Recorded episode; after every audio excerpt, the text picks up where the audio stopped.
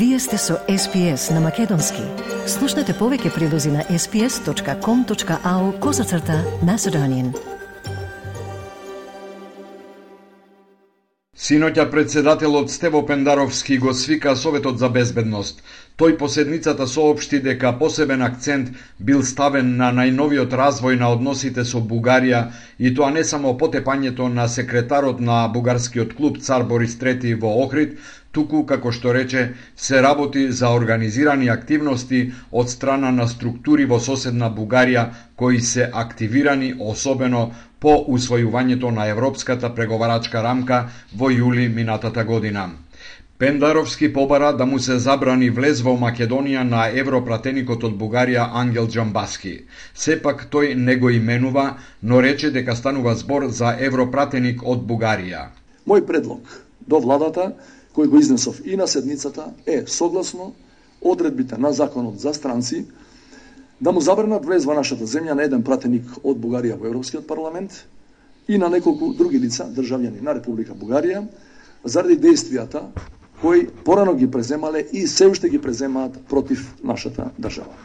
Тоа во принцип значи конкретно, ако таквите лица се надвор од земја, да не им биде дозволен влез, а ако се веќе внатре, да им биде откажан престојот и да бидат прогласени за персона нон грата. Пендаровски остро ја осуди за вчерашната изјава на министерот за надворешни работи на Бугарија Николај Милков, кој на заедничката пресконференција со Османи во Софија рече дека во Македонија воскреснува времето на убиства, колежи и насилства. Во однос на изјавата на господинот технички министер за надворешни работи, вие за среќа, не ја цитиравте целата, та е прилично грозна. Вели во Македонија се враќа традицијата на колежи, на стрелање вели и на наследства. Единствено таа изјава може да биде точна ако мисли на периодот 41-44 и кога ќе има техничкиот министер во Бугарија за надворешни работи и време, слободно време, може да прочита до Ваташа, да види дел од таа традиција. Председателот рече дека овие структури се веќе мобилизирани и логистички и финансиски за да го поддржат организираното доаѓање во Скопје на повеќе лица на 4 февруари, кога го одбележуваме денот на раѓањето на Гоце Делчев. Според сите проценки, тоа ќе биде настан од висок безбедносен ризик и надлежните органи не смеат и нема да бидат неми наблюдувачи на тоа што се случува, рече Пендаровски на синоќешната пресконференција. Предлагам во наредниот период далеку подобра координација меѓу надлежните институции од двете земји со цел да не дозволиме европската цел и билатералните односи да станат жртва на анахрона националистичка и популистичка политика од двете страни, истакна председателот Пендаровски. Бугарија го повика на консултации во Софија амбасадорот во Македонија Ангел Ангелов. Причината, како што соопшти бугарското Манара, била да се разговара за можностите за запирање на опасниот тренд на притисок врз бугарите во Македонија и на тамошниот развој на односите меѓу двете држави. Според најавите на заменик министерката за надворешни работи Велислава Петрова, ќе бидат известени и членките на ЕУ за случајот со физичкиот напад врз секретарот на бугарскиот клуб во Охрид Христијан Пендиков. Таа за бугарските медиуми нагласи дека, како што рече, прекинот на говорот на омраза и актите на насилство покрај промената на Уставот се дел од условите Македонија да продолжи по евроинтегративниот пат.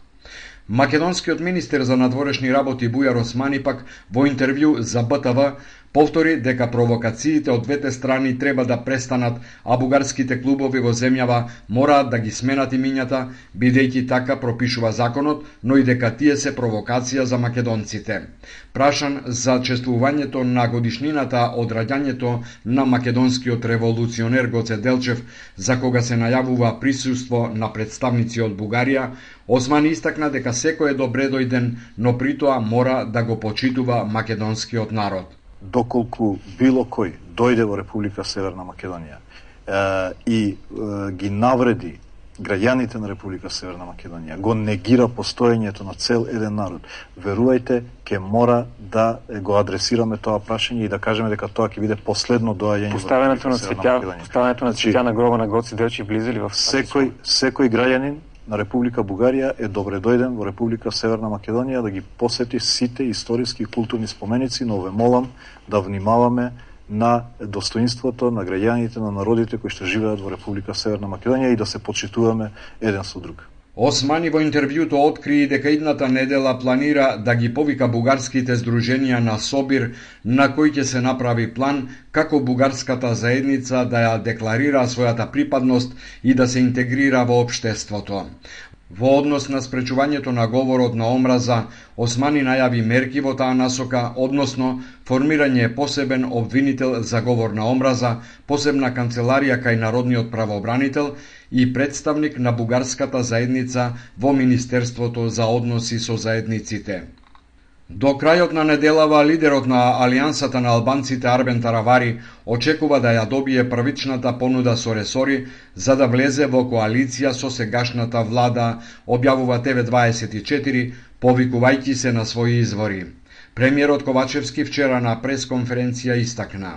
Ние сме политички партии, вклучително и Алијанса за албанците за продолжување на европскиот пат на државата, меѓутоа дека во однос на конкретни разговори за програмски и кадровски детали немаме разговарам. Доколку влеземе во во такви разговори, тогаш нормално дека ќе бидат консултирани и ќе биде разговарано и со постојните коалициони партнери во владата, исто како што беше разговарано со коалиционите партнери во владата кога влегуваше партијата Алтернатива. И додека Ковачевски тактизира, пратеникот на третиот коалиционен партнер Алтернатива Зекирија Ибраими, кој не се согласува да отстапи ни еден свој ресор, се сретнал со предводникот на фракцијата на ДУИ, така наречена огнена група Изет Меджити. Ибраими тврди дека не станало збор за сојузништво меѓу Алтернатива и Огнените, ако неговата партија ја напушти владата.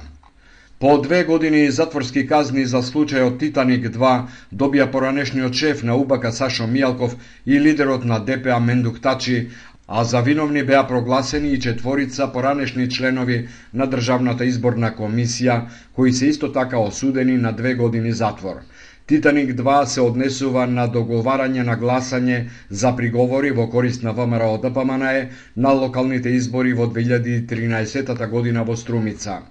Вчера судот им изрече поблаги казни на сите обвинети во споредба со тие од првата правостепена пресуда. Обвинителството е задоволно од пресудата.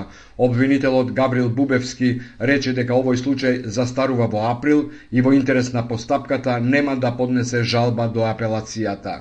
Не би поднел никаква, никаква жалба во однос на казната и мислам дека е во рамките на оно што е предвидено во, со законот. Одбраната на Мијалков најави дека ќе се жали на пресудата. Адвокатот Љупчо Шврговски пред судот за медиумите изјави. Сигурно дека ќе вложиме жалба.